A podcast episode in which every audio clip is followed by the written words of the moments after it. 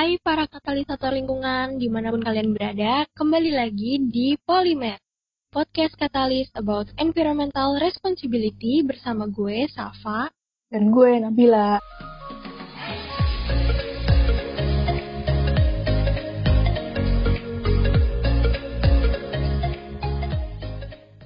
Nah, apa kabar nih kalian semua? Semoga dalam keadaan sehat ya. Oh ya, teman-teman jangan lupa pada makan. Ngomong-ngomong soal makan, tiba-tiba gue pengen ngemil deh, nap. Aduh. Terus kenapa gak punya ke gue? ya beli sendiri lah. Kayaknya juga belakangan ini lagi banyak banget gak sih promo makanan. Eh, iya juga ya. Wah, berarti gue bisa langsung beli banyak dong. Mantep, sikat. Eh, tapi jangan kebanyakan belinya. Takutnya nanti malah gak habis, terus ngebuang-buang makanan. Tahu gak sih? Limbah makanan atau yang biasa disebut sebagai food waste itu salah satu penyumbang penyimpan pencemaran lingkungan tahu. Hah? Food waste? Apaan tuh? Gue nggak pernah denger. Terus emangnya kenapa kalau gue buang-buang makanan? Sepenting itu emang? Iya, penting banget tahu, Syaf. Nih ya, pada tahun 2011 aja, total bu limbah buah sama sayuran di dunia itu sampai hampir menyentuh angka 500 ribu ton. Hah, demi apa sih? Berarti sekarang bakal lebih banyak dong. Sekarang aja udah tahun 2021. Pasti jumlahnya bakal bertambah kan seiring bertambahnya populasi manusia juga. Iya nggak? Iya, bener banget. Jadi, kalau misalnya mau beli makanan, yang banyak-banyak banget ya guys. Lebih baik lagi kalau misalnya kita masak sendiri. Kan bisa ngurangi limbah sampahnya juga. Oh, iya juga ya. Ada benernya tuh. Nah, gue pengen nanya dong sekarang penyebab dari food waste tuh apa aja sih? Uh, penyebabnya itu beda-beda di negara berkembang sama negara maju, Syaf. Hah, beda? Apaan bedanya? Kok bisa beda gitu? Iya, bisa beda. Soalnya kalau misalnya di negara berkembang, kayak di Indonesia, itu masalahnya kebanyakan di awal di bagian awal manajemen rantai pasok. Sedangkan di negara maju itu di bagian akhirnya gitu, Syaf. Oh, berarti kalau di negara berkembang, kayak misalnya di Indonesia, penyebabnya itu kayak fasilitas penyimpanan yang buruk yang bisa menghasilkan jamur dan parasit. Mm. Terus infrastruktur dan transportasi yang gak memadai, pengemasan yang gak bagus, serta fasilitas pasar yang kurang berkualitas. Gitu kan, Nap? Iya, bener banget. Terus kalau misalnya di negara maju, penyebabnya bisa kayak standar kualitas yang gak terpenuhi. Contohnya nih, uh, warna makanannya kurang menarik atau enggak makanannya pas nyampe emang udah rusak atau udah bestu. Oh gitu. Iya. Uh, selain itu juga bisa gara-gara kondisi yang gak bagus ke kemajangan. Misalnya nih, uh, makanannya dipajangnya di suhu yang gak uh, sesuai sama makanannya gitu. Jadi kan maksudnya makanannya ntar jadi rusak, habis itu basi kan. Terus akhirnya emang harus dibuang gitu. Hmm. Nah, kayak gitu aja udah berkontribusi sebesar 55% dalam limbah buah dan sayuran. Terus uh, hal yang paling kita sering lakuin nih, yaitu ya udah uh, bubuk sisa makanan kita gitu. Maksudnya kayak habis masak langsung dibuang. Maksudnya atau enggak uh, habis makan nggak habis langsung dibuang gitu. Pada tahun 2011 saja, sisa makanan rumah tangga menyumbang 42% dari total food waste di United Kingdom. Wah, besar juga ya. Sampai menyentuh angka segitu gedenya, cuma dari sisa makanan rumah tangga doang. Waduh, berarti kita kayaknya mulai sekarang harus menghemat makanan kita deh. Iya, bener banget. Nah, tadi kan kita udah ngomongin tentang penyebab dari food waste. Sekarang gue pengen nanya dong, Nap. Emang dampaknya dari food waste tuh apa sih? Uh, mungkin dampaknya nggak begitu kelihatan nih buat kita. Tapi food waste, tuh, food waste tuh punya dampak yang besar banget. Hah, besar gimana? Iya nih, misalnya ya, masyarakat di masyarakat, uh, dampaknya tuh bisa kayak pembunuhan gizi yang nggak merata.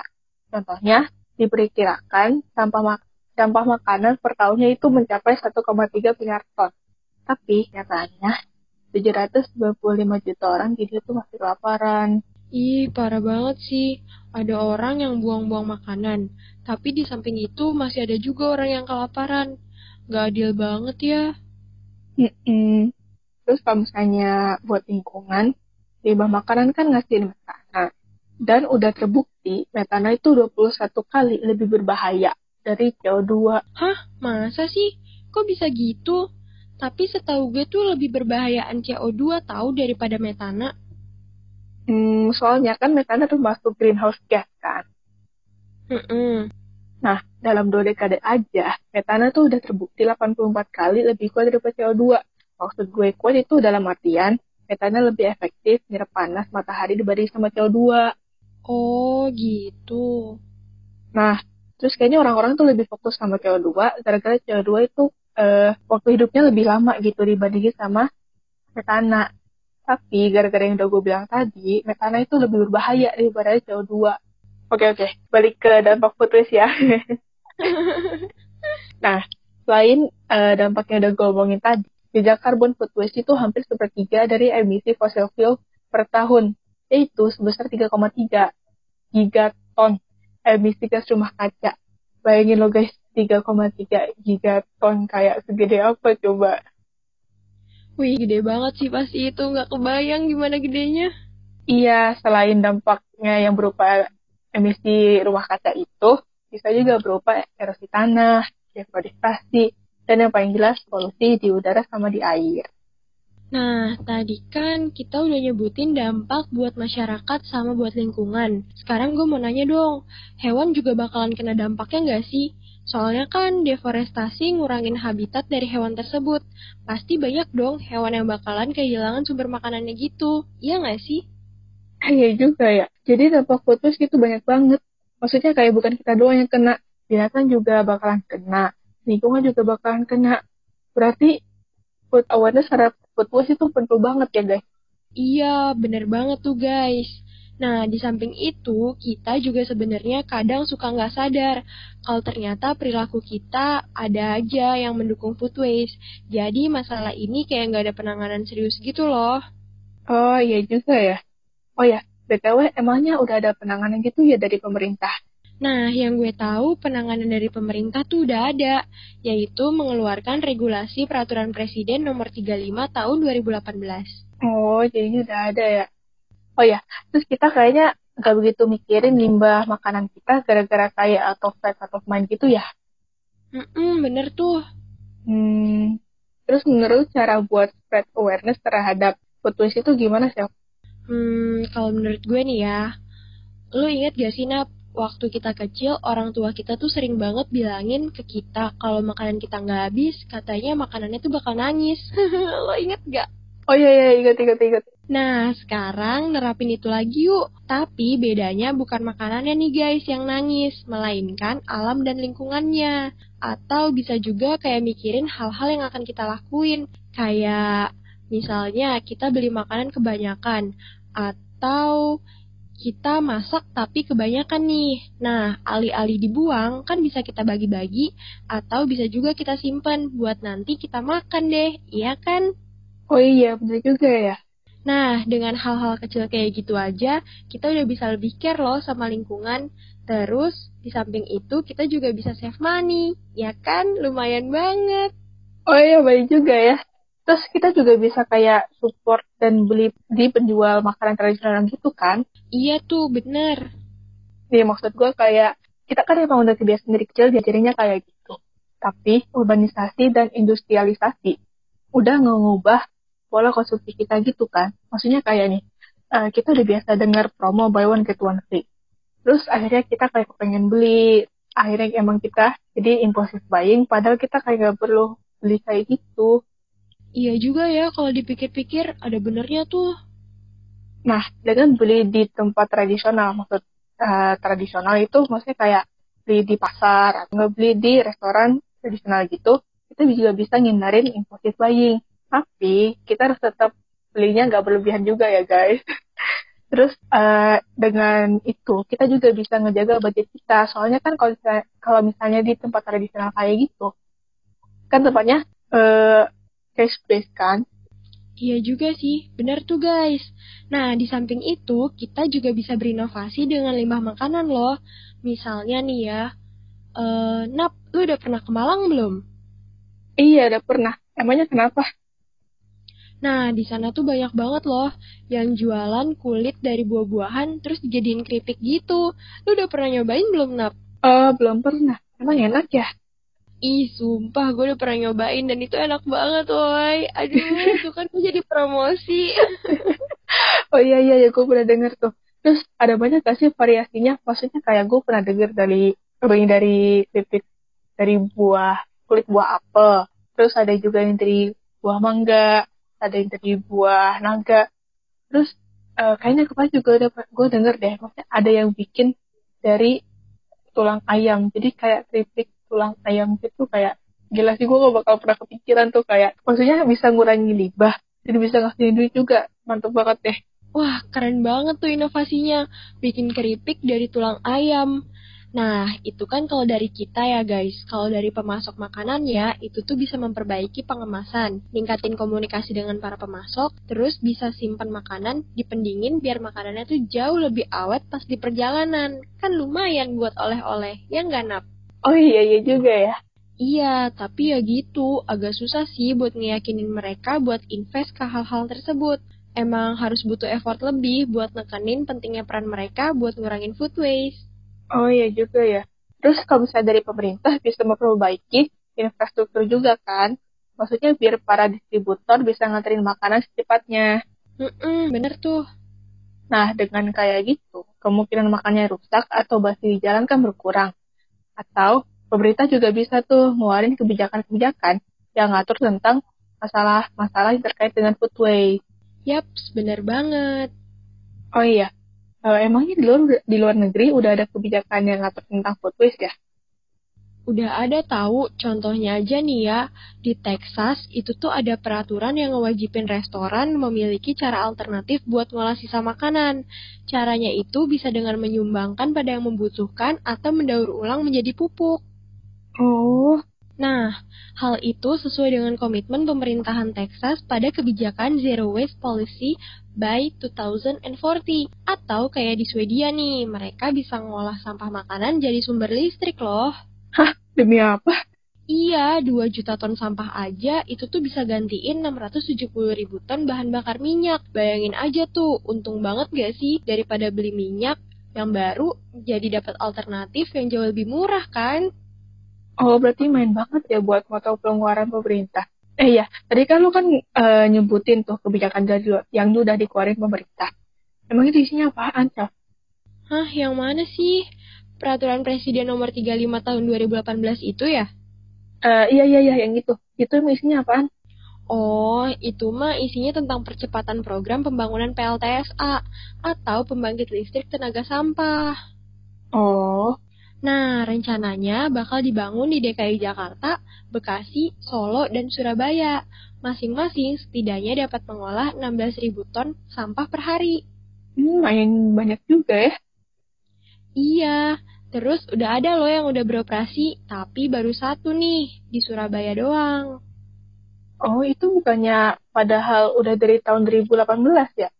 Uh, iya sih, tapi kayaknya emang mau nggak mau kita deh yang harus berubah. Mulai dari pola pikir kita, pola makan kita, sama cara kita planning buat belanja.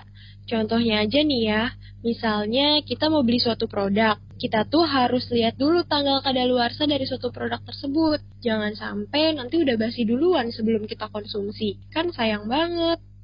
Oh, berarti kita harus lihat ya pas beli.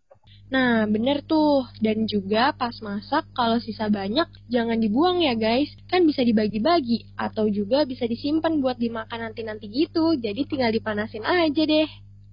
Ah, iya ya. Oh, atau enggak kita juga bisa nerapin nih konsep regrow.